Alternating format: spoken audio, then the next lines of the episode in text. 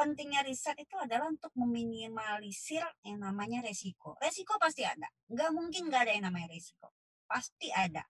Gue jamin pasti ada. Apa pun itu, uh, industri apa pun pasti ada.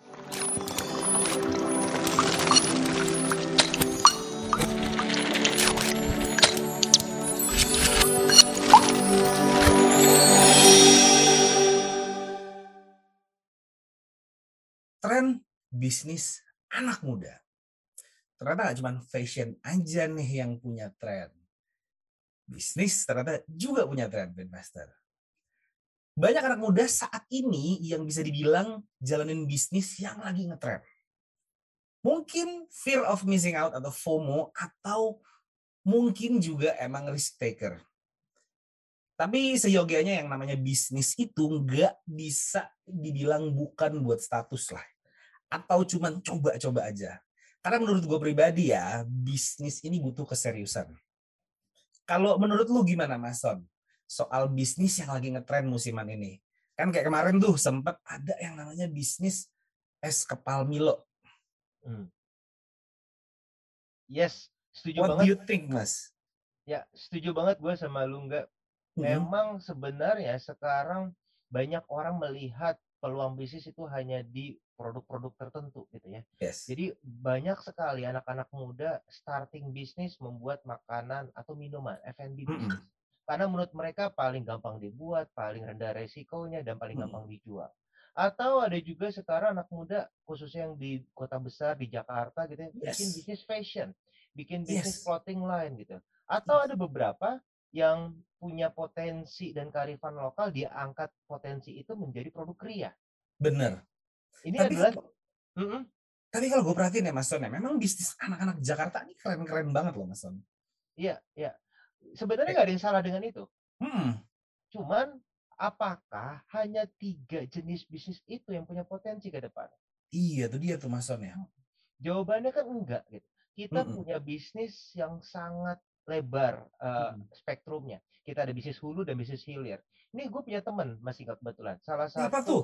Temen gua adalah Mbak Imelda Feryani. Kebetulan udah hadir juga di uh, hari ini. Halo Mbak Imelda Feryani, apa kabar? Assalamualaikum Mas Sony, Mas Ingga. Waalaikumsalam.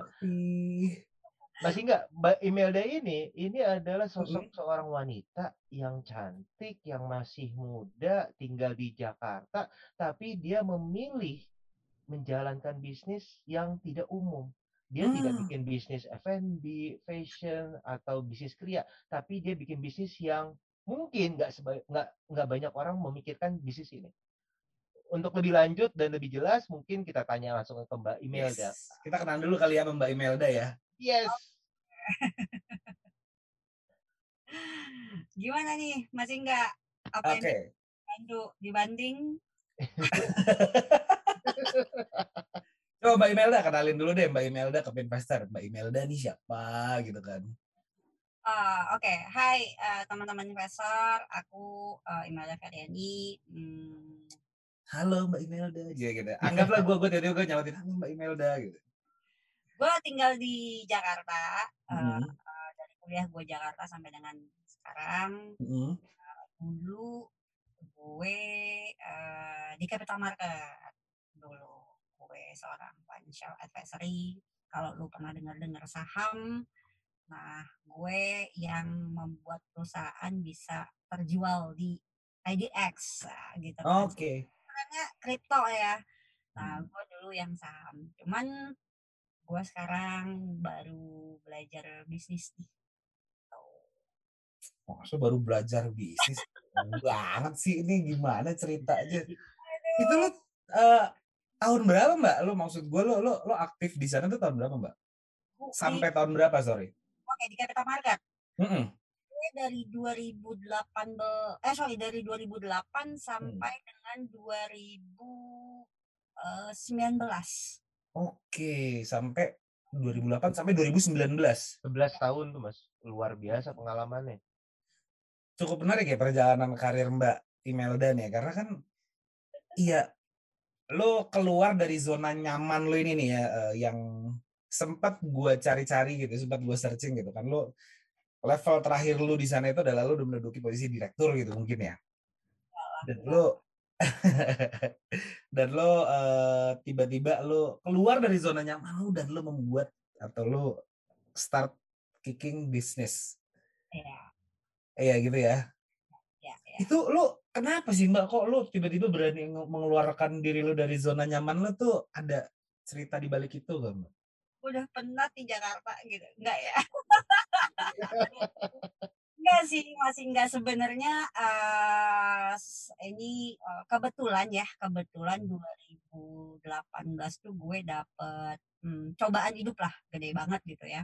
Mm. Uh, gue kehilangan nyokap, dan di 2018 itu gue pikir nih, gue mau ngapain nih hidup gue gitu kan. Terus gue bertanya sama diri gue, am I happy?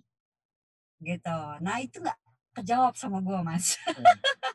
Serius nggak kejawab sama gue dengan um, uh, apa ya perjalanan karir gue dengan istilahnya pendapatan salary gue ya hmm. bonus gue kemudian dengan apresiasi dari masing-masing uh, perusahaan yang selama ini gue iniin uh, ketika ditanya am I happy gue bingung jawabnya itu sih ya.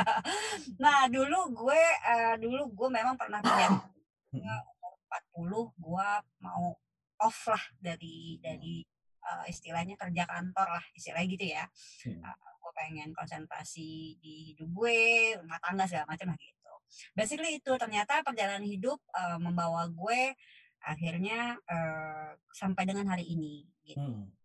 Tapi sebenarnya mas uh, mas Ingga aku tuh walaupun sekarang udah uh, udah 80% entrepreneur ya 20% gue masih lagi lo main saham lo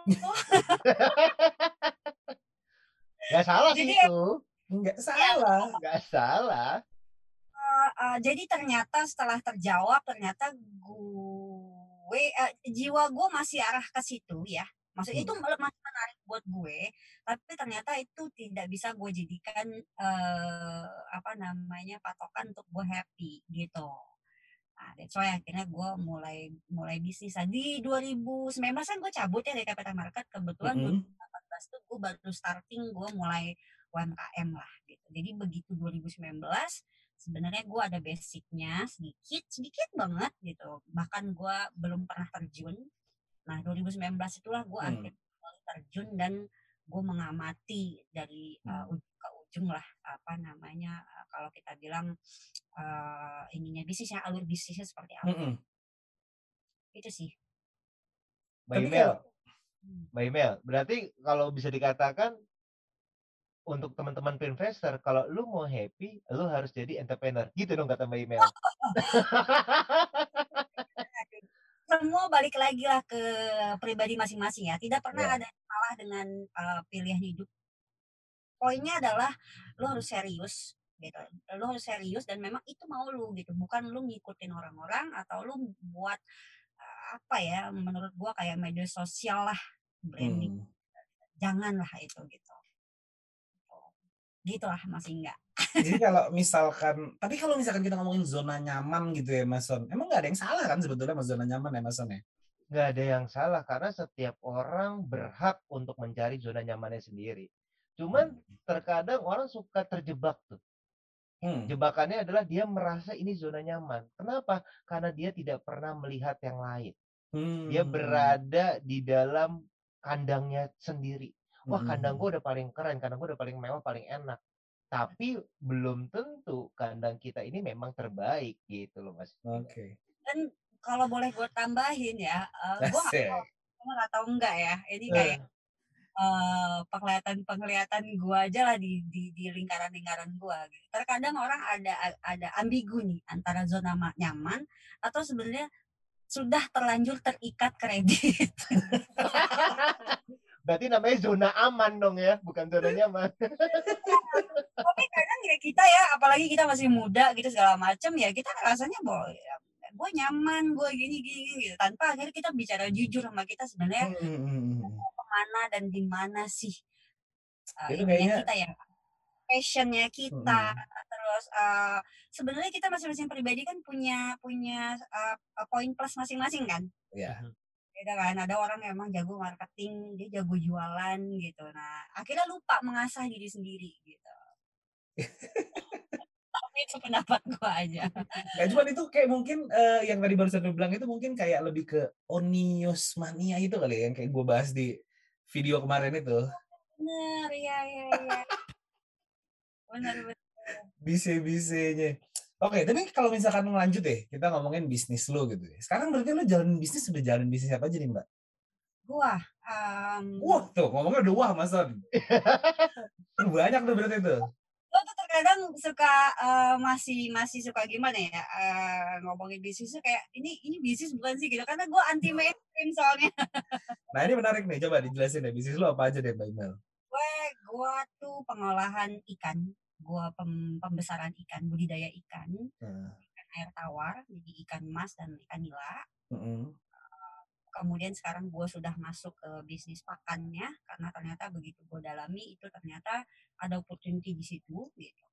Uh, kemudian last year uh, Tuhan bawa gue ke bisnis.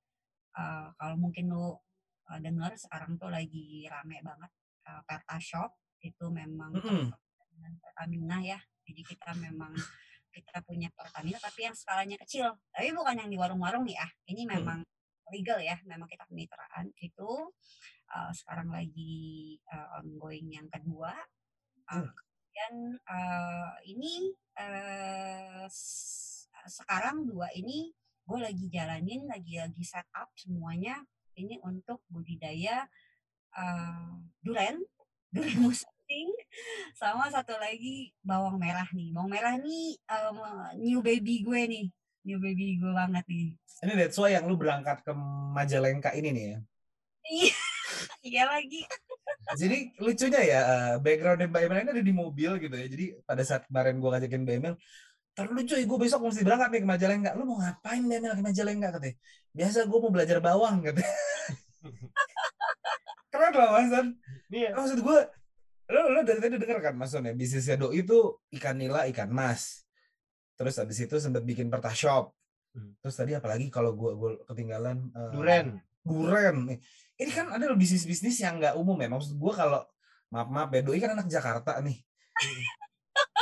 iya anak anak cewek gitu kan hmm. gue berpikir kalau anak Jakarta tuh ngajarin bisnis yang keren gitu kan kayak apa namanya yang bersih yang AC dingin gitu ya. Coffee shop gitu kan. Scandinavian looks atau uh, apa terus habis itu lo jalanin bisnis apa gitu. Ini enggak ini ngejalin bisnis yang nggak umum aja dari anak-anak muda Jakarta gitu loh. Coba Mbak Emel. Kenapa sih lo nggak menjalani bisnis itu? Kenapa? Sorry. Kenapa lo nggak mau menjalani bisnis anak muda Jakarta itu kenapa instan lo malah milih di luar Jakarta? Oke okay. uh, gue tuh anaknya tuh uh, detail banget ya gue anaknya. Hmm. detail banget terus gue tuh memang dari zaman dulu gue kalau ngeliat orang sukses tuh gue tuh sampai bisa tilik-tilik dia gitu loh. Ini hmm. orang mulai dari mana segala macam segala macam. Sampai uh, bisnis bisnis orang pun gue tuh gue suka merhatiin gitu. Ya terkadang gue interest gitu ya uh, terkadang gue hanya cukup sekedar hebatnya orang gitu kan hebatnya orang dia dari dari ini sampai ini sampai sekarang dia bisa sendiri gitu. Dan dia sekarang udah begini. Itu itu itu ilmu buat gue gitu. Tapi gue terkadang bisa berkaca apakah gue mampu atau tidak di situ. Itu dulu poinnya gitu. Jadi kalau yang gue mampu jadi gue berpikiran kalau dia bisa kenapa gue nggak bisa gitu. Hmm. nah, apalagi istilahnya uh, sorry itu saya ya maksudnya bukan gimana gimana ya bukan arti apa arti yang negatif bahwa gue ada ada privilege gue hidup uh, banyak hidup di Jakarta gitu kan gue hidup ketemu orang banyak kenapa sih orang bisa gue nggak bisa gitu pasti gue bisa kalau gue tilik-tilik nah itulah akhirnya gue tilik-tilik tilik-tilik tilik kayak tadi yang lo sebut di awal uh, kayak hmm. coffee shop uh, fashion kemudian uh, barbershop ya terus hmm. atau hmm. skincare gitu itu menurut gue bisnis yang memang make money make money ya menurut gue gitu tapi again ketika gue lihat uh, persaingan bisnis terus marketnya seperti apa yang mau dituju terus uh, potensi uh, apa brand-brand baru muncul baik itu fashion, beauty, uh, skincare, F&B, uh, cafe shop mungkin masuk di F&B juga ya. Hmm. Itu gua nggak nggak kuat gua ngelihatnya. gua gak kuat kenapa tuh mbak? Wah lagi gila huge banget gitu loh. Oke. Okay. Iya. Rame banget gitu ya. Pasarnya tuh udah udah red ocean banget gitu ya. Iya, iya, iya. Bukan nggak menarik ya, menarik. Mm -hmm. Tapi ketika gua itu uh, harus harus gua uh, serap gitu ya, ya pendapat pribadi gua seperti itu udah huge banget gitu. Dan terus yang kedua, um, oke, okay. uh, kayak kayak uh, kayak uh, coffee shop gitu. Ya gue pun melakukan analisa bukan tidak karena gue sempat tertarik itu gitu. gue lakukan analisa segala macam segala macam baik buruk ya plus minus segala macam hmm, ya gue memutuskan untuk tidak gitu. Begitupun juga dengan barbershop dan skincare apalagi fashion. Wah itu nggak kebaca di gue uh, how to minimize the risknya gitu loh mm-hmm. ya hmm sebenarnya ini bukan nggak menarik, tapi ketika gue balikin ke diri gue untuk meminimalisasi resiko-resiko atau gue ningkatin peluang-peluang bisnis gue, gue udah mulai kayak wah udah udah udah terlalu padat dan chance-nya semakin kecil menurut hmm. gue. That's why gue nggak masuk di bisnis itu. Bukan gue tidak ngikutin ya, gue ngikutin. Oke. Okay. Ini yang menarik dari Mbak Imelda tadi dikatakan kalau orang lain bisa, kenapa gua enggak? Gitu. Ini juga mungkin bisa jadi motivasi buat teman-teman investor ya. Kalau hmm. Mbak Imelda aja seorang perempuan yang tinggal di Jakarta, dia bisa bisnis ikan, tambak, pembesaran, bisnis perkebunan, kenapa kita pada nggak bisa? Gitu ya Mbak Imel ya? Hmm. Pasti okay. itu. Mbak Imel, saya uh, tertarik nih, masih penasaran gue terkait dengan tadi pengambilan keputusan besar gitu ya ketika Mbak Email sudah nyaman, dapat gaji, kemudian masuk ke bisnis. Apakah karena ada peluangnya dulu? Maksudnya Mbak Email uh, coba mulai dulu sedikit, ketika sudah jalan baru keluar, atau benar-benar keluar start from zero menjalani bisnisnya? Oke. Okay. Uh, 2018 itu itu gue pertama kalinya mulai gue untuk budidaya ikan. Hmm. Tapi di 2018 itu gue nggak terjun langsung. Gue nggak terjun langsung. Jadi ada ada ada ada saudara gue main di situ. Kemudian uh, pada saat itu nggak sengaja. Gue lagi cuma liburan uh, balik aja, balik balik kampung gitu. Terus gue cuman ya biasalah cuman kayak ketemu ketemu sepupu aja. Kemudian gue lihat ini gimana sih skema bisnisnya gitu. Mulai dari situ gue ngobrol tuh, gue ngobrol-ngobrol-ngobrol. Uh, gue cuman tahu in general aja And then gue memutuskan saat itu, oke okay, gue gabung. Sampai tapi di saat, sorry, tapi saat itu masih bekerja. Saat itu masih bekerja. Saat itu masih bekerja. Nah, itu gue kayak gue mau mulai bisnis gitu. Oke, okay. okay, uh, eh, satu tahun, oh sorry nggak nggak nyampe satu tahun, uh, dua kali masa panen uh, kan gue dapat ya uh, hasilnya segala macam. Nah pada saat gue dapat hasilnya, di situ gue langsung mikir, ini cuman begini aja gitu ya dengan sesimpel ini aja marginnya segini gitu kan marginnya segini. Padahal sebenarnya potensinya bisa lebih gede banget gitu. Itu udah ada di kepala gue cuman gue nggak ada waktu. Nah jadi karena waktu, sambil kerja tadi. Karena gue tadi gitu. Hmm. tapi akhirnya ada satu uh, satu satu tempat lagi gue bikin lagi satu tempat nah tempat ini yang gue udah pakai skema bisnis yang baru nih hmm, okay. Nah, apa tuh maksudnya Mbak email skema bisnis yang baru? Skema bisnis yang baru tuh misalnya gini, uh, gini ya, kalau mereka itu dulu ya, dulu awal-awal banget, mereka tuh ngasih makan ikan tuh hanya ngasih makan ikan aja. Hmm. Hanya ngasih aja, ngasih, ngasih gitu kan.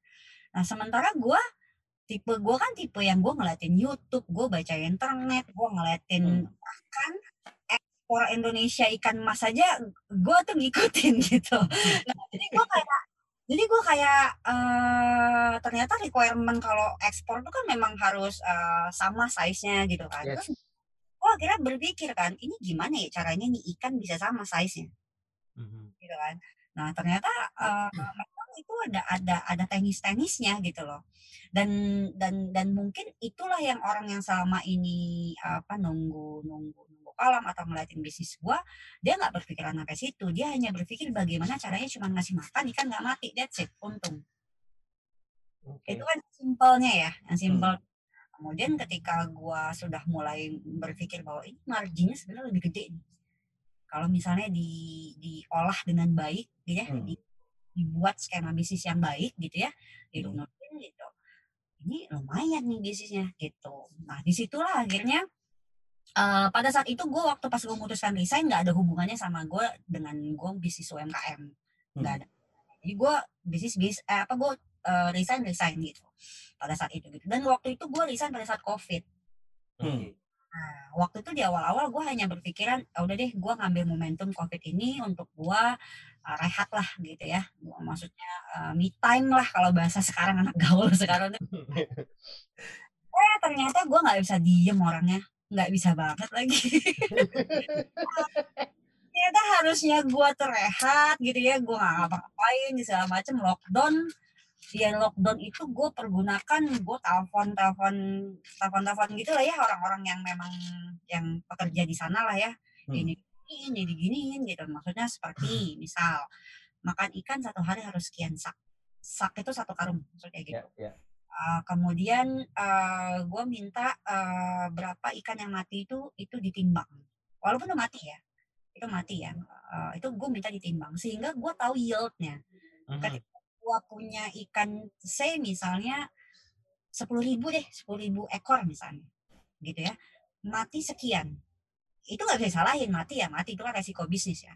ya. Nah, sehingga gue tahu ketika gue mengcapture ke depan ada yield yang harus gue potong situ itu adalah resikonya gitu hmm. kan itu akhirnya gue mulai tahu gitu nah dari situ juga gue mulai ngulik-ngulik uh, di YouTube. Kalau misalnya sepuluh ribu tuh dia biasanya baiknya tuh berapa tonase makan. Jadi nggak cuma sekedar ngasih makan. Nutrisinya yang bagus yang mana sih? Pakannya yang bagus yang mana sih?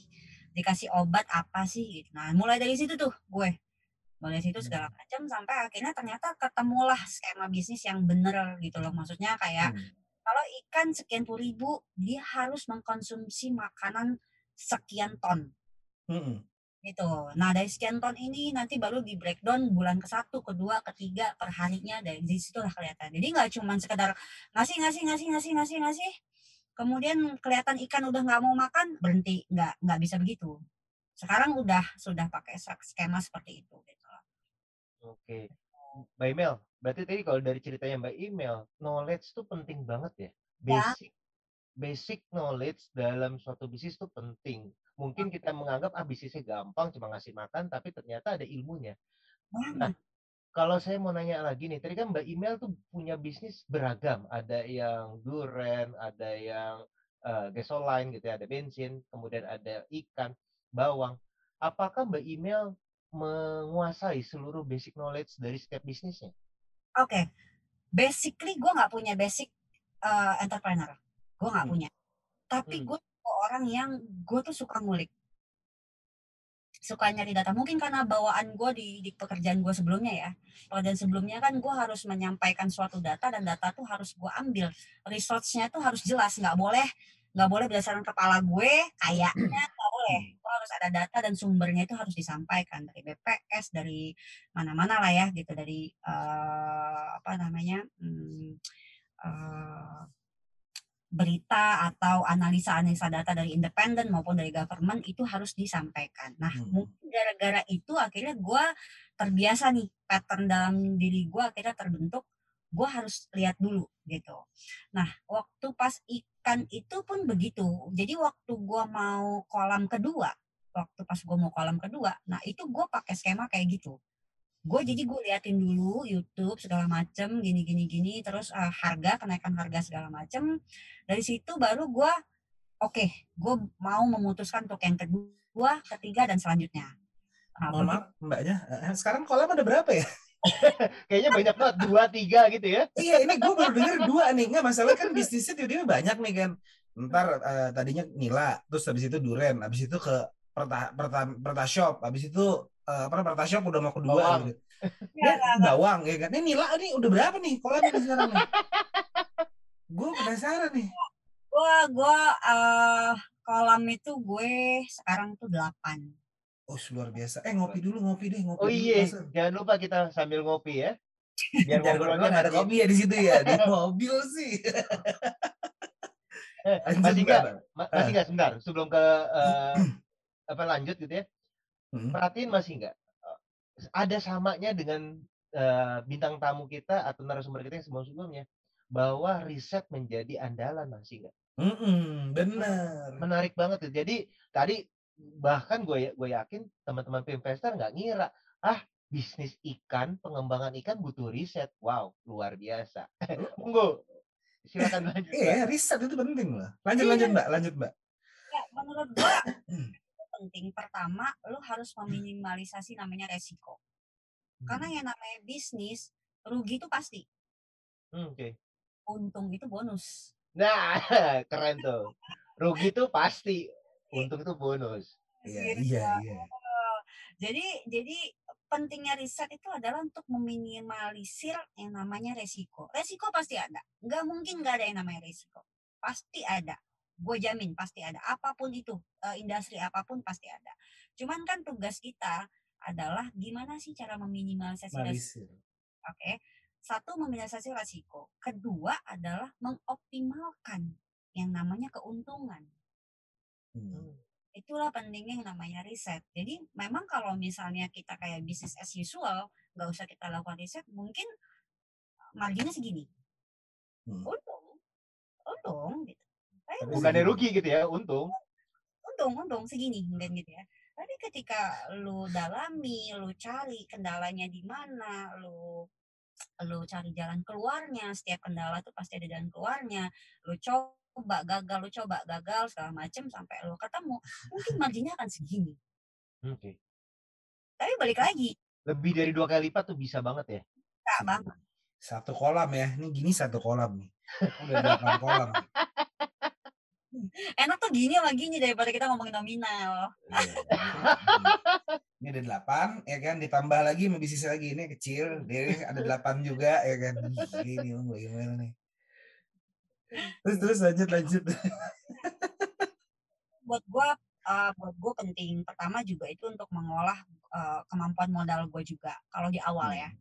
di hmm. awal uh, lu harus uh, riset supaya apa? Pertama juga untuk kemampuan modal lo gitu kedua ancaman-ancaman yang akan lo hadapi hmm. tantangan rintangan challenging ya challenge challenge apa yang akan lo hadapi itu itu riset penting nah selanjutnya bonusnya adalah lo bisa mengoptimalkan market lo lu bisa mengoptimalkan operasional lo, lu bisa mengoptimalkan yang namanya ujung-ujungnya mengoptimalkan margin. Penting hmm. banget, penting.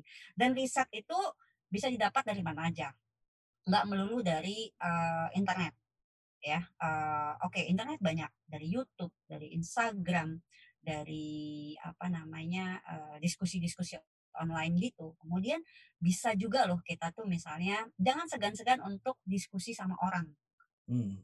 Ya kalau kita punya teman kita punya keluarga punya sahabat yang atau bahkan nggak kenal pun kita ajak ketemu.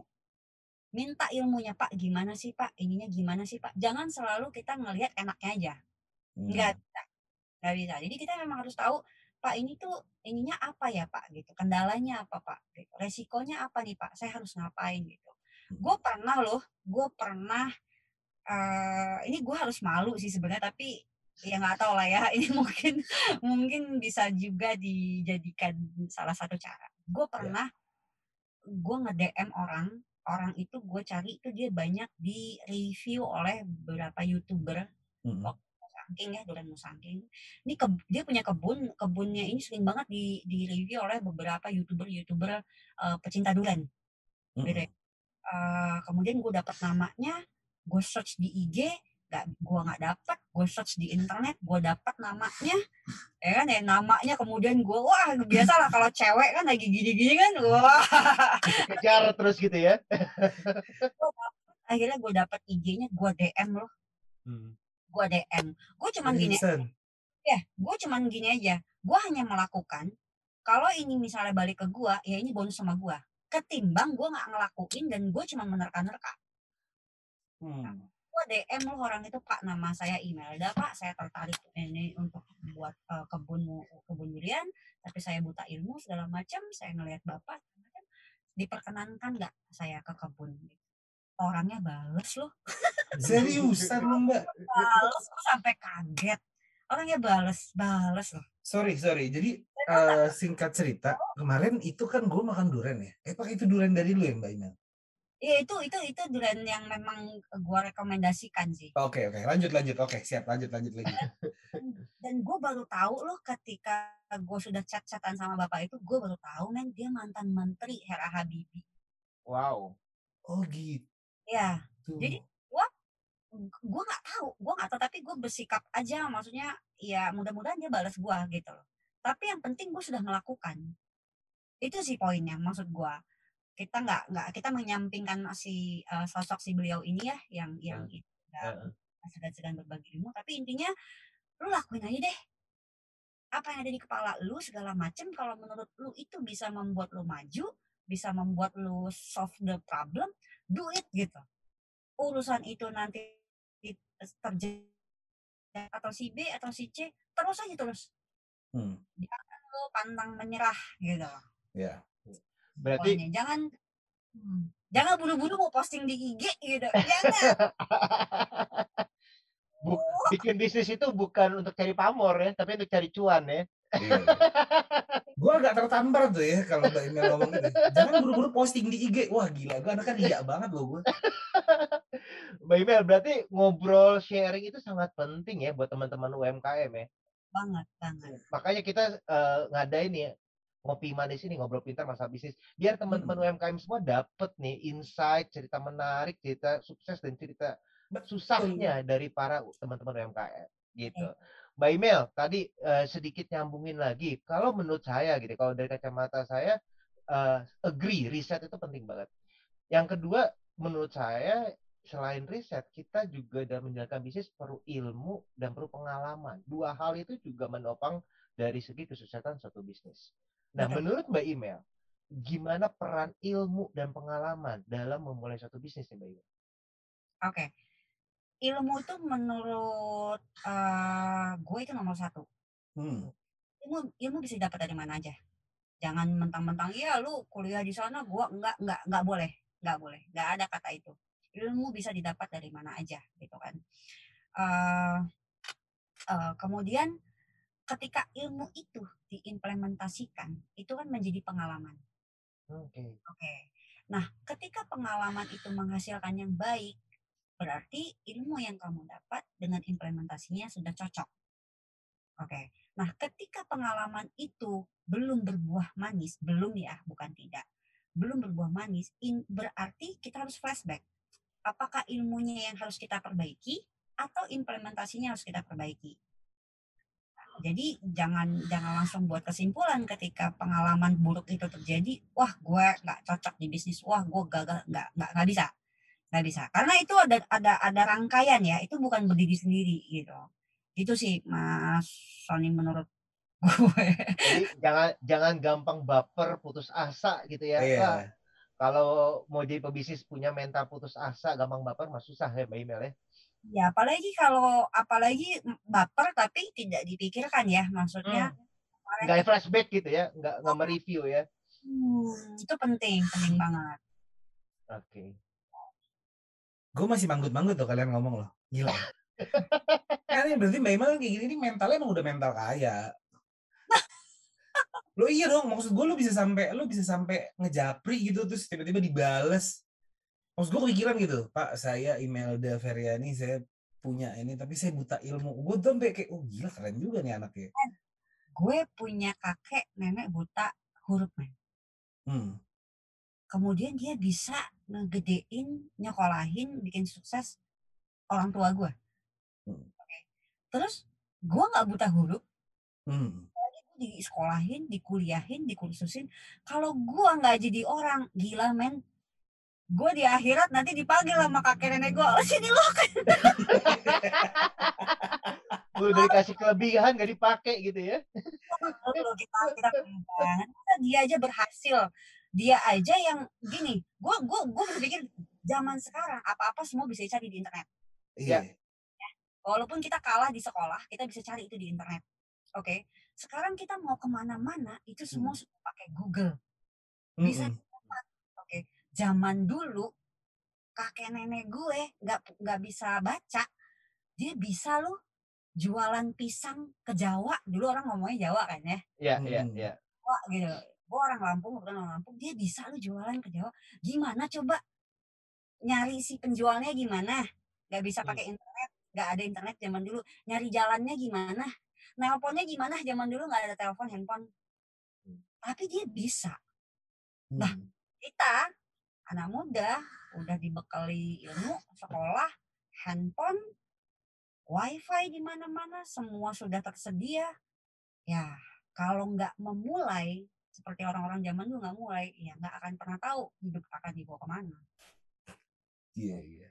berarti kalau mbak email cerita kayak gini mbak email ke depannya setelah Pinvestor nonton uh, tab kita ini bakal hmm. banyak di DM loh Mbak Email. Mbak nah, Email ajarin aku dong gitu. Lu di DM loh nanti lo bye-bye lo. Iya. Iya. Iya. Anaknya gak pinsos banget lagi. Masih enggak, tapi Mbak Email nggak nggak DM gue itu. Berarti gue nggak ada yang bisa diambil ilmunya sama Mbak Email. Mas, gue waktu itu nggak lulus nih masuk prasetya. 14 gue nggak lulus gue aduh kacau nggak lulus aja bisa sukses kayak gini apalagi kalau lulus. Wah gila sih. Sa aja nih. Aduh. Ya. Tapi Mbak Emel gue pengen tanya lagi deh Mbak Emel lo pernah gak sih bisnis di Jakarta? Pernah pernah pernah. Namanya apa tuh Mbak Emel dulu gue pernah masuk di F&B mm -hmm. punya rumah makan uh, kalau makan Sunda lah makan mm -mm. ya itu gue pernah. Gue, gue pernah kerja di situ mungkin setahun lah nggak. Setahun mm. gue and then gue off bisnis itu. Gitu. kenapa? Kok off? Off offnya itu bukan karena bisnisnya uh, bukan juga karena margin hmm. alhamdulillah sih gue udah balik modal dan gue udah untung gitu Cuman kendalanya pada saat itu gini, hmm, kalau yang namanya rumah makan atau restoran itu kan nyawanya ada di save ya. ya. Iya. Ya, ada di save. Jadi uh, ditopang oleh strategi marketing. Mm-hmm. Oke, okay? kemudian ditopang oleh uh, apa namanya opsi-opsi menu ya yang menarik segala macam. Mm. Ditopang oleh itu, tapi kuncinya itu ada di save. Nah pada saat itu uh, waktu itu Delta, kebetulan memang Delta. Kemudian pada saat itu gue melihat ada uh, ada kelemahan, mm-hmm. ada kelemahan yang ken, yang menjadi kendala, mm-hmm. yang, dan kendala ini sudah gue coba untuk uh, solving ya, gue mm-hmm. coba solving segala macam dan gue ada certain waktu yang gue harus decide ini gue cut atau enggak. Mm-hmm. Karena uh, kendala ini gue lihat tidak tidak bisa untuk uh, apa ya, ya untuk diperbaiki. Karena kadang kan gitu ya, ada yang deadlock. Mm -hmm. Apa hubungannya dengan uh, uh, manusia dengan manusia. I see. Yeah, yeah, yeah, yeah. Ketika komunikasi itu menjadi deadlock gitu ya, ya gue harus decide dong hmm. gue decide ini harus uh, eh, gue uh, apa namanya lanjutkan atau tidak gitu kalau lanjutkan gue tahu resikonya apa kalau gue tidak lanjutkan gue tahu resikonya apa gitu hmm. tapi tapi itu menarik banget sih gue sebenarnya gue sedih sih gue decide untuk gue stop karena pada saat itu kita udah sempat masuk TV hmm. masuk di mana uh, emang boleh disebut di sini Ya, sebut aja nggak apa-apa, Mbak. Jadi ya waktu itu kita masuk di Trans Trans Trans 7 apa Trans TV ya pokoknya ada acara yang bikin oh. lapar. Oh, bikin lapar. Mm-hmm. Ya. Oh, iya iya iya iya iya iya. Terus terus terus selalu ke sana.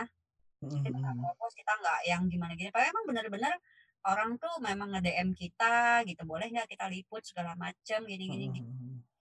Gua gua kan karena gue tidak fokusnya ke situ ya, exposure gue tidak ke arah-arah yang ke pertelevisian gitu. Tapi ternyata uh, itu masuk di kategori mereka dan mereka tahu kita dengan kita tidak mendm segala macam ya itu bonus lah buat gue ya hmm. selain selain keuntungan itu bonus secara yeah. apa ya intangible ya itu tidak ya enggak Oke oke oke. Mbak Email, kalau tadi uh, dikatakan ada bisnis yang pernah gagal gitu ya di F&B, yang pasti kan eh, enggak. Ntar dulu, ini gagal nggak nih sebenarnya nih Mbak? Gagal nggak nih? Setuju nggak lo kalau dibilang gagal nih? Gue nggak tahu kalau perspektif lu eh, gimana Mas Sony. Kalau Enggak, kemarin soalnya kita diskusi soal ini lu bilang, eh enggak ya, bisnis gue nggak gagal ya, sorry nih. kalau gue konteksnya, kalau gue konteksnya gini, gagal itu adalah lu tidak bisa mengembangkan bisnis lu dan lu tidak balik modal. Menurut gue hmm. itu Oke, okay, kalau gitu gue rubah deh uh, apa uh, itunya istilahnya. Bisnisnya kan nggak sustain. Nah, ini valid nih ya. Ini valid ya. Oke. Nggak sustain. Oke, okay, Mbak Imel, bisnis yang F&B ini kan nggak sustain. Tapi kan justru dari pengalaman ini ada hal yang bisa dipetik dari Mbak Imelda untuk menjadi dasar bisnis-bisnis lainnya gitu ya. Nah, apa sih yang paling pembelajaran berarti dari ketidaksustainan bisnis yang kemarin ini? Oke, pertama komitmen sih. Hmm. Ya, pertama ya, nomor satu tuh. Ya, sejauh mana lu mau melangkah di bisnis itu? Itu dulu kuncinya. Jadi ketika memang komitmen uh, langkah itu jauh ya uh, mengenai bisnis ini, jadi kendala apa pun, halangan apa pun yang sedang dihadapi itu bisa kok. Itu cuman tentang waktu menurut gue. Karena uh, ketika lu belajar terus belajar belajar dari apa yang menjadi kegagalan lu, gue yakin kok ada satu titik di mana itu akan akan akan lu dapat manisnya gitu Hmm. Nah, di sini yang yang di bisnis F&B gue ini gitu, ini adalah adanya ketidakkomitmenan gitu. Karena jujur gue di sini bisnis ini kita bertiga pada saat itu kita bertiga. Nah, di sinilah komitmen itu yang uh, gue rasa uh, salah satu di antara kita ada yang tidak komitmen untuk untuk hmm. menjaga bisnis menjadi sustain. Okay. Gitu dan karena gue menghargai uh, apa yang menjadi uh, apa ya uh, maksudnya pandangan orang lain atau langkah yang diambil orang lain ya ke kecewa pasti tapi ya sudah terkadang memang ada hal-hal yang lu nggak bisa paksain apalagi hubungannya dengan manusia gitu. Kalau hubungannya tentang tentang barang itu barang tuh bisa lo apain cumi itu bisa jadi apa aja. Hmm. Goreng bisa di nggak laku digoreng ditumis tumis nggak goreng dibakar bisa begitu tapi kalau manusia dengan manusia itu. Nah jadi uh, kalau lu bisnis uh, dengan partner itu lu harus betul-betul komitmen itu di atas segalanya. Yeah. gitu. Itu kalau berpartner. Tapi kalau misalnya lu sendiri keyakinan terhadap diri lu sendiri dulu kemudian lu berani mengatakan bahwa gue gagal di gue gagal di B, gue gagal di C, gue gagal di D. Itu dulu. Ketika lu sudah berani mengakui bahwa gue gagal di, misalnya gagal di operasional, atau gagal di penjualan, atau gagal di modal. Hmm. Nah, tapi itu udah udah terstate gitu. Oh di sini. Berarti ini yang harus diperbaiki gitu. Itu sih belajar terus apa di review review terus jangan bermudah mudah apa ya mudah berpuas diri gitu kayak tadi Mas Ingga bilang kayak kepal Milo. Kepal Milo hmm. itu memang hits pada zamannya. Iya. Yeah. Wow, masih untung itu beratus-ratus persen, mungkin bahkan beribu-ribu persen keuntungan. Hmm. Gue yakin itu. Tapi ketika itu tidak dipikirkan mau apa lagi, maka ya itu udah akan yeah. jadi perusahaan. Gitu. Dan itu harus diakui. Kenapa bisnis kepal Milo itu selesai? Ya karena tidak melakukan yang namanya uh, ya apa apa ya inovasi. Inovasi betul. Inovasi, inovasi bisnis gitu. Hmm. jadi tidak ada kebaharuannya gitu ya. Itu aja yang ditawarkan orang kan jadi lama-lama boring ya kan? Tentu pasti dia akan begini gitu kan iya ya audiens tuh kejam juga ya. Sekali aja boring udah nggak laku gitu ya. Karena kita nggak bisa salahkan audiens ya karena hmm. yang ditawarkan oleh yang uh, UMKM UMKM baru atau bahkan nggak UMKM ya bahkan yang di middle ataupun yang di up itu banyak banget. Hmm. salahkan gitu memang persaingannya ketat. Ketika kita nggak bisa berubah dengan secepat itu hmm. ya resikonya adalah kita akan kalah bersaing. Iya. Speaking of boring juga ya gue yakin juga tuh kayak tempat-tempat di maaf ya kalau misalkan gue mention gitu ya tempat-tempat nggak tahu ya ini menurut gue mungkin ya uh, disclaimer menurut gue pribadi mungkin aja kayak tempat-tempat F&B yang di Senopati juga yang punya itu, itu aja sebetulnya namanya aja nggak diganti biar nggak bosen. Nggak tahu ya cuman bener apa enggak we never know we never know. We'll never know gitu. Ya karena tadi itu tadi yang mungkin harus ada inovasi biar orang nggak bosen. Audiens kan cepat bosen ya?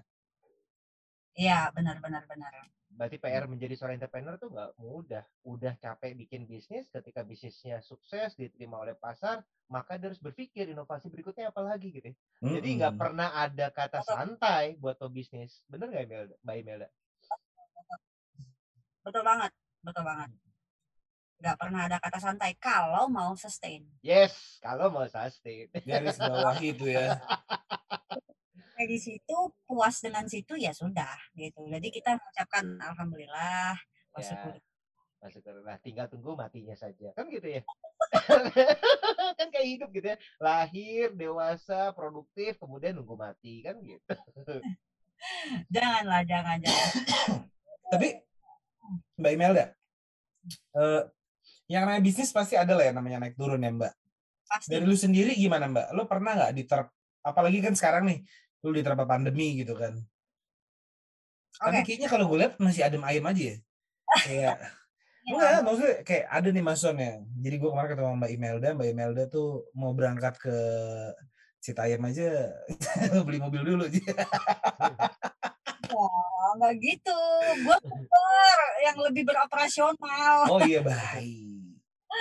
Enggak, gue gua gua gua pernah ngalamin hmm, naik turun naik turun gue pernah pada saat um, pertama kali uh, covid. Hmm. pertama kali covid itu gue harusnya ini pada saat itu ini ikan ya pada saat itu uh, bawang hmm. dan gue belum belum belum jalan dan peta shop gue belum jalan. Waktu itu hmm. benar-benar hanya kolam ikan. 2019 itu awal uh, sorry iya benar 2019 itu delta. Eh kok sorry delta? Covid ya covid. Hmm itu gue harusnya gue panen itu panen ikan itu ya satu kolam itu di sekitar 3 sampai empat bulan. Hmm. Udah harus dikeluarkan itu ikan itu udah masa masa memang sizingnya memang sudah memang sudah layak dijual gitu. Hmm. Pada saat itu kita lockdown. Dan yang nggak tahu sampai kapan dibuka gitu ya. Hmm. Jadi pada saat itu ikan gue baru keluar di 9 bulan masa masa pembudidayaan. Hmm. Lo bayangin satu sisi gue kalah waktu, ya gue kalah waktu. Harusnya itu dalam waktu 9 bulan gue sudah dua kali frekuensi gue panen. Ini gue nggak bisa keluar, ikannya nggak bisa keluar. Yang kedua, selama 9 bulan itu gue tetap harus yang namanya ngasih makan ikan. Oke. Okay. Jadi pada saat itu gue berpikir, gila sih ini, ini modal gue bakal kegerus. Hmm. Karena berarti ruginya dua cycle tuh mbak ya? Iya, kalau secara time of value ya, gue dua dua yeah. cycle time of value. Hmm. Nah, uh, dan pada saat waktu itu kan karena gue belum tahu ini keluarnya kapan dan harga ikan berapa pada saat itu, bahkan gue dihadapkan dengan kenaikan harga pakan sudah dua kali selama hmm. sembilan dua kali gitu loh. Karena kan susah. Iya, iya semua serba susah lockdown di sini lockdown di sana lockdown ke, uh, apa namanya uh, pasar sepi uh, kemudian uh, apa namanya yang bikin-bikin acara segala hmm. macam gathering tidak ada gitu kan. Jadi ya ya nggak bisa disalahkan. Itu adalah memang resiko bisnis ya hmm. resiko bisnis. Nah itu gue pada saat itu gue udah yang gue udah relate aja gue udah yang wah gila sih modal gue pasti ini kegerus. Jadi gue pada saat itu gue berpikir udah Mel nggak usah berpikir nyari untung hmm. balik duit duit modal ya. Duit modal balik nggak nggak nggak habis-habis banget aja udah alhamdulillah deh. Hmm. pada saat itu gitu gue mikir kayak gitu. Karena ikan udah gede-gede bro. Udah sampai ada yang sekilo udah ada yang sampai sekilo setengah bahkan ada beberapa yang udah dua kilo. Padahal gue kalau jual itu sekilo isi enam. Hmm, berarti udah oversize banget ya? Udah oversize dan marketnya udah semakin susah kalau udah oversize. Iya, iya. Jualnya iya. ke pemancingan kalau yang gede-gede pemancing udah nggak banyak yang buka anyway. Oh udah hmm. pokoknya serba salah tapi ya ya udah yakin aja segala macam sabar. Dan itu suatu hal yang tadi gue bilang suatu hal yang terkadang kita nggak bisa cari jalan keluarnya. Itu adalah ya udah lu harus uh, hadapi kenyataan itu lu harus face it. Itu yang kita katakan kita gagal menghadapi goncangan dunia. Gitu aja gitu. Dan ternyata ternyata alhamdulillah uh, Tuhan masih kasih gue uh, berkah ya. Gue masih untung. Hmm. modal gue gak gerus gue masih untung. Walaupun untungnya tipis tapi modal gue balik bahkan gue dapat untung dan gue memang kalah di time of value. Cuman well itu aja gue udah berkah banget. Gue udah yang mukjizat banget lah gitu loh. Hmm. Tanpa gue harus mikir harus optimal hasil enggak yang penting gue udah mikir yang penting modal gue balik gue bisa muterin lagi gue bisa orang-orang bisa kerja lagi nah tadi sempat kepotong gara-gara mbak Imel ganti kamera lanjut lanjut Mas Son Oke, Mbak Imel, gue penasaran. Ya. Tadi Mbak Imel cerita ketika kondisi lagi kurang baik, kemudian bisa hmm. bounce back gitu ya, sehingga masih dapat profit ke, di kondisi yang kurang baik tadi. Ada strategi okay. khusus nggak untuk menghadapi hal itu? Oke, okay. uh, waktu itu sebenarnya ya uh, nggak banyak nggak banyak hal yang bisa gue lakuin karena memang mau bagaimanapun juga lockdown. Hmm. Lockdown, hmm. semua bisnis memang hancur-hancuran ya karena kita udah nggak bisa bisnis yang as usual karena pada saat itu memang kita dihadapkan dengan suatu hal yang unusual, unusual kan. Hmm Nah, tapi waktu itu gue mikir, gimana ya ini caranya ya gitu. Waktu gue mau panen, tapi orang yang mau ngambil hasil ikan kan, itu kan dalam jumlah tonase ya. Hmm. Bukan yang satu kilo, dua kilo itu dalam jumlah tonase. Dan gue nggak bisa yang namanya gue tuh uh, ada yang mau beli sekilo diambil nggak bisa nggak bisa begitu karena ikan tuh akan mabok kalau kayak gitu karena itu kan di kolam jadi pada saat itu uh, kita itu uh, jual di media sosial. Waktu itu kita di Facebook. Hmm. Nah, permasalahannya adalah uh, itu tuh bisnis gue tuh kan di desa ya, di hmm. desa. Hmm. Nah, jadi akhirnya gue hanya mengandalkan uh, kemampuan uh, orang-orang di sekitar. Yang sementara hmm. sebenarnya orang-orang sekitar juga sebenarnya punya kolam juga anyway, gitu loh ya. Hmm. Cuman pada saat itu hmm. harus dilakukan. Mau kata seanalisa itu uh, dia dia punya kolam dia nggak makan ikan atau apa pokoknya kita kita kita lakuin itulah gitu jadi kita waktu itu ngambil 50 kilo 50 kilo kita kita teleponin teman-teman segala macem eh lu ada yang mau nggak? Ada yang mau nggak? Gitu. 5 kilo 5 kilo. Ternyata kita pecah-pecah. Jadi benar-benar akhirnya kita masuk ke bisnis retailnya banget. Hmm. yang apa namanya yang memang pe, pe, apa pe, pe, penggunanya ya si konsum konsumennya itu sendiri gitu. Jadi kita pecah. Jadi hmm. 50 kilo keluar, 25 kilo keluar, segala macam keluar. Hmm. sampai ya lumayan gitu loh. Lumayan tuh masih jauh ya sebenarnya masih jauh dari uh, apa namanya hasil panen. Saya misalnya gini, uh, satu kolam gue tuh mungkin bisa menghasilkan misalnya 6 ton misalnya hmm. gitu. Yang keluar itu uh, mungkin cuman 500 kilo lah hmm. anggap aja begitu ya anggap aja 500 kilo gitu memang itu di luar dari uh, apa kepuasan ya di luar dari target segala macam tapi minimal 500 kilo ini sudah tidak gue kasih makan lagi ya. okay. itu hmm. itu mengurangi resiko gue uh, untuk gue ngasih pakan dan mengurangi resiko gue untuk itu menggerus modal gue jadi pada saat itu harga ikan berapa ya sudah gue keluarin. Minimal gue tidak mengeluarkan uh, apa namanya modal yang cukup besar lagi gitu. Jadi berapapun itu kita jual, kita jual, kita jual. Kita harus berani seperti itu gitu. Karena itu iya. tadi ya, karena karena ikan kan beda ya dengan misalnya kayak fashion gitu, baju, baju mungkin uh, lu bisa tahan sampai tahun depan segala macam. Kalau ikan kan nggak bisa. Oke. Okay. Uh, jadi kita nggak masalah uh, kita mengeluarkan uh, produk kita di harga HPP. Jadi hmm. pada saat itu kita udah nggak mikirin yang namanya margin. Hmm. Kita mikirin bagaimana caranya uang modal kembali dan ketika lockdown ini selesai kita bisa bertarung lagi, gitu.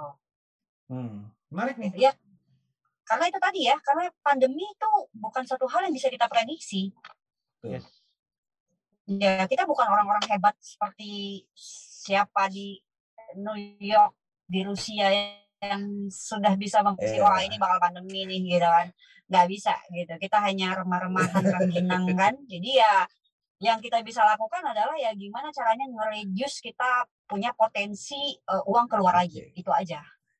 Ya keren ya tadi ya Mas Son ya. Uh, perlu digarisbawahi tadi yang dibilang sama Mbak Email itu adalah intinya kurangi risiko ya kan. Meminimalisir risiko gue untuk yeah. bayar pangan sih ikan itu yang 500 kilo dan itu kan dan itu kan itu kan bisa lu uh, apa namanya bisa lu lihat atau bisa lu minimize ketika lu mengikuti jadi kalau mengikuti, lu pelajari bisnis itu, apa yang menjadi tantangan lu ke depan, nah hmm. Itu kan, sehingga lu harus ambil jalan keluar. Nah, beda halnya ketika lu tidak mengikuti bisnis itu, lu tidak analisa bisnis itu, lu tidak analisa resiko itu, lu hanya memikirkan untung, ya udah, lu akan lu akan kayak stuck di situ aja, nungguin kondisi ini berubah, ya nggak tahu berubahnya kapan, ini udah dua tahun gitu. Dan ternyata gue move on kok di situ. Hmm memang uh, memang terkadang ketika kita mengalami ombak ombak ombak seperti ini ya uh, badai di tengah laut begini ya memang nggak semuanya bisa menang. Kalau kita mau ngomong rugi ya rugi secara time of value. Walaupun secara keuntungan gue dapat walaupun tipis tapi secara time of value gue kalah. Tapi kan yang namanya bisnis untuk sustain nggak melulu kita ngomongin margin sekian margin sekian margin sekian gitu kan. Hmm ya untuk sustain ya gimana caranya kita move on dari situ gitu. Kita hmm. kita balas dengan apa yang kemarin kita sudah uh, rugi waktu rugi tenaga rugi pikiran rugi perasaan bahkan. Nah di sinilah begitu apa namanya lockdown sudah mulai dibuka ya mulai kita. Nggak nggak bisa ber, ber apa berserah diri dengan keadaan. Hmm. gitu.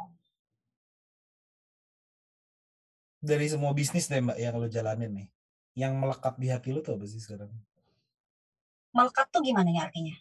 Yang ini lu suka banget jalannya nih. Suka banget. Suka ya berarti ya. Hmm. Berarti kita nggak melulu mengenai ngomongin bisnis ya. Hmm. Oke. Okay. Kalau suka banget yang pasti gue bisnis durian gue. ini sebenarnya nih. Eh kita ke durian aja yuk. Coba gue masih penasaran nih kelanjutan. Gitu. Gue masih penasaran nih kelanjutannya. Tapi gini nggak? Tapi gini nggak ada satu hal uh, yang mungkin gue bisa sharing ya. Gue uh, mudah-mudahan ini ini ini bisa jadi bisa jadi acuan. Gini, yeah. uh, kalau lu ngelihat gue, lu ngapain sih bisnis ini? Lu ngapain sih bisnis ini? Lu ngapain bisnis ini gitu? Kenapa sih lu nggak fokus di satu hal? Yeah. Eh terkadang begitu ya kita ya. Gitu. Nah, uh, gini, gue waktu itu berpikir gue ini sudah tidak ada pendapatan kantor, tidak ada gaji bulanan. Jadi gue harus berpikir bagaimana caranya gue bisa mendapatkan hasil, uh, tapi kehidupan gue tidak uh, berubah lifestyle-nya. Lifestyle gue berubah. Sebenarnya nggak banyak-banyak amat sih, cuman gara-gara pandemi akhirnya mau tidak mau berubah. Bukan itu poin gue. Maksudnya gini loh, hmm. tanpa gue harus meng-sacrifice banyak hal, tapi hmm. itu gue masih bisa berjalan gitu loh. Nah, hmm. jadi gini, gue akhirnya gue membuat bisnis bisnis yang tahunan hasil yang tahunan kedua bisnis yang trimester ada gue bisnis yang harian oke okay. kalau lu perhatiin oke okay. bisnis tahunan itu ada di kebun durian ya. durian itu dia panen satu tahun sekali ya. memang gue nunggunya lama gue nunggunya karena gue baru mulai panen. Eh sorry baru mulai baru gue mulai uh, nanam. Jadi kemungkinan gue baru akan menghasilkan buah panen itu mungkin di tahun ketiga setengah atau tahun keempat. Oke. Okay. tapi itu gue sudah forecast dalam hidup gue gue harus punya uh, penghasilan yang tahunan tapi memang jumlahnya besar tapi tahunan gitu. Hmm. nah yang kedua gue mau punya bisnis triwulan. Nah which is si ikan ini. Karena ikan ini dia tiga per empat bulan Oke. Okay. Nah, selama 3-4 bulan ini, apa yang menjadi keuntungan ikan gue, itulah yang harus gue pakai dalam kehidupan sehari-hari gue. Modal kan tidak boleh gue kotak-katik. Modal itu tetap modal. Itu harus hmm. harus gue jalankan. Kecuali misalnya gue ada kebutuhan, ada tambahan. Gue mau beli mesin. Mesin kipas. Lo tau gak sih kalau uh, udang, udang tuh kan ada kipas tuh. Ya, ditambak ya tuh. Nah, itu ya, paling ya, ya paling ya paling yeah. itu sekian persen lah dari keuntungan gue gitu oke ini gue gue dapat untung buat investasi yang, lagi gitu ya buat yeah. investasi lagi oke ini gue uh, beli uh, apa namanya uh, mesin ini atau gue kemarin gue baru beli uh, mobil pickup atau mobil pickup kan mobil yang hmm. belakangnya kosong itu buat ngangkut hmm. pakan ikan gue mau ngangkut uh, ikan segala macam gue putar begitu tuh enggak Mm-hmm. Nah, itu kan empat bulanan sekali gitu. Nah, terus kemudian uh, Petra Shop gitu. Petra Shop ini keuntungan gue tiap hari enggak gitu jadi liter per liter tiap hari dong kan liter per liter yang akan hmm. di akan dibeli oleh orang itu menjadi keuntungan kita kan langsung. Ya. hmm. kan langsung. Nah itu jadi gue mau breakdown seperti itu. Nah bawang ini bawang ini nih uh, ini kan terakhir ya uh, uh, new baby gue. Ini bawang ini tuh panen setiap dua bulan sekali. Gitu loh. Nah it, uh, that's why gue uh, apa namanya gue nggak worry ketika uh, karena sekarang ya karena sekarang tapi kan kemarin-kemarin itu kan butuh proses gue juga kan segala macam. Jadi gue sekarang gimana caranya gue harus punya bisnis yang tahunan triwulan dua bulanan bahkan harian gitu. Tapi kalau mau ngomong margin mau ngomong margin beda-beda banget nggak Hmm. Tapi gue nggak boleh melulu ngomongin margin, gue nggak boleh melulu ngomongin keuntungan. Gue harus ngomongin sustainability si bisnis dan sustainability kehidupan gue. Okay. Itulah kenapa akhirnya gue break, break apa breakdown seperti itu. Itu sih alasannya. Berarti menjaga cash flow agar tetap positif, neraca juga positif, dan balance sheet juga aman gitu ya luar. Wah, kenapa gue masuk prasetya mulia? Iya. Bahasanya keren. Gila. Jadi keren banget ya nih uh, Pinvestor ya. Uh, si Mbak Email ini itu berarti yang tadinya berawal dari profesional gitu ya. Terus uh, beralih di 2019 menjadi seorang uh, wira swasta yang awalnya bisnis di ikan sampai bisnis di bawang.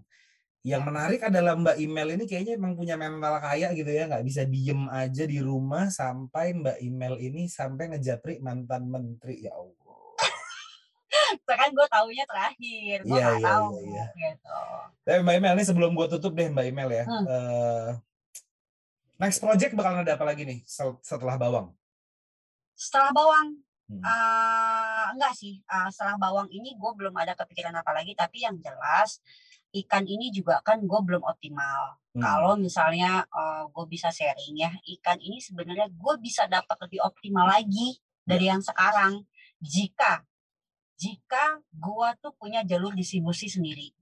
Hmm. Means gue bisa jualan sendiri. Hmm. Nah, kalau sekarang, sekarang gue panen nih, gue panen, itu diambil oleh suatu agen. I see. Nah, agen inilah nanti yang mendistribusikan ke mana-mana. Nah, gue mau ke depan, gue tuh pengen nggak ada lagi namanya agen. Sehingga gini loh, nggak. Ini bahasa so sok benernya ya bahasa sok benernya itu gini nggak ketika agen itu nggak ada ya yeah. si si penampung lah kita sebut ya uh, kalau bahasa di Indonesia ini kita terkenal dengan Indonesia ini kebanyakan tengkulak hmm. gitu petani pekebun itu sebenarnya bisa kaya nggak di Indonesia ini ketika tengkulak itu bisa kita solving menurut gua gitu hmm. nah ini yang anak-anak muda nih harus masuk di sini. Hmm. Aduh gitu. Nah jadi gini nggak, ketika gue bisa men, men, mendistribusikan uh, uh, ikan gue sendiri gitu ya, hmm. lu bisa beli ikan gue dengan tidak mahal nggak? Hmm. Harga ikan yang lo makan beli di pasar maupun lo beli di supermarket itu kenapa? Itu karena terlalu banyak uh, jalur distribusi yang dilewati. Jadi ngambil ngambil bagian-bagian-bagian ya. Betul nggak? Cuman kalau misalnya gue bisa motong dari misalnya misal ya kita kita bicara misalnya ini ada empat jalur distribusi. Dari empat gue bisa potong dua, maka lu bisa mengkonsumsi ikan gue jauh di bawah harga market sekarang. Itu bukan tidak baik loh, itu justru baik. Kenapa? Karena supaya kita menekan inflasi kita ini kejauhan sih ngobrolnya. Oke, okay, kita lewat dari situ ya. Kita lewat dari situ. Termasuk semua loh, semua komoditi ya. Mau eh. bawang, mau telur, mau minyak goreng yang sekarang lagi hits. Apa pun yang lo makan di dapur, itu tuh harga menjadi mahal. Karena itu, ada proses jalur distribusi ini yang kacau di kita, di kita ini. Nah, anak-anak muda ini nggak mau masuk di sini nih. Gitu. Tapi gue seneng lah. Gue seneng sekarang ini sudah banyak Eh, aplikasi-aplikasi uh, yang uh, menyalurkan di uh, apa namanya di bisnis uh, seperti ini ya perkebunan. Sekarang kalau lu lihat ada kalau gue boleh sebut ada Tani Hub, ada ikan segar hmm. Indonesia, ada um, semacam itulah ya. Nah itu mereka me, me, sistemnya sekarang udah kayak kayak aplikasi-aplikasi yang gede sekarang nih Grab hmm. maupun Gojek segala macam hmm. dia mendekatkan titik ke si konsumen sehingga uh, kami se apa namanya uh, pelaku uh, pelaku usaha ini gitu kan hmm. kami bisa menjual ini hanya dengan melompati satu titik aja membuat simple ya jadinya membuat simple nah kemudian ini pun juga penting supaya apa gini misalnya Jawa Barat panen raya panen raya ikan di Ciracas gitu Kemudian di Jawa Barat, Jawa Tengah, Jawa Timur tidak mampu menyerap. Dia masuk ikannya ke Sumatera. Nah, pertanyaannya adalah, petani-petani di Sumatera bagaimana? Kan gitu. Nah, ketika ada aplikasi-aplikasi saat ini ya, ada beberapa anak muda sekarang yang bangun seperti itu gitu kan. Nggak melulu mengenai fashion ya, mengenai itu segala macam. Nah, jadi sekarang memang marketnya belum besar. Sekarang ini masih besar di Jakarta dan Jawa Barat gitu ya. Gua mungkin terakhir lah, gua kan di Sumatera nih bisnis gue Sumatera. Tapi itu adalah potensi future yang yang sangat sangat menurut gue baik banget gitu. Hmm. Nah jadi ketika ketika nanti ini sudah nyampe ke titik ini ke ke Sumatera dan lain-lainnya, sehingga gue tuh nggak akan worry ketika ini gue panen raya segala macem beras panen raya di Brebes atau di mana gitu, sehingga harga akan selalu stabil, nggak yang kayak sekarang ini begini gitu.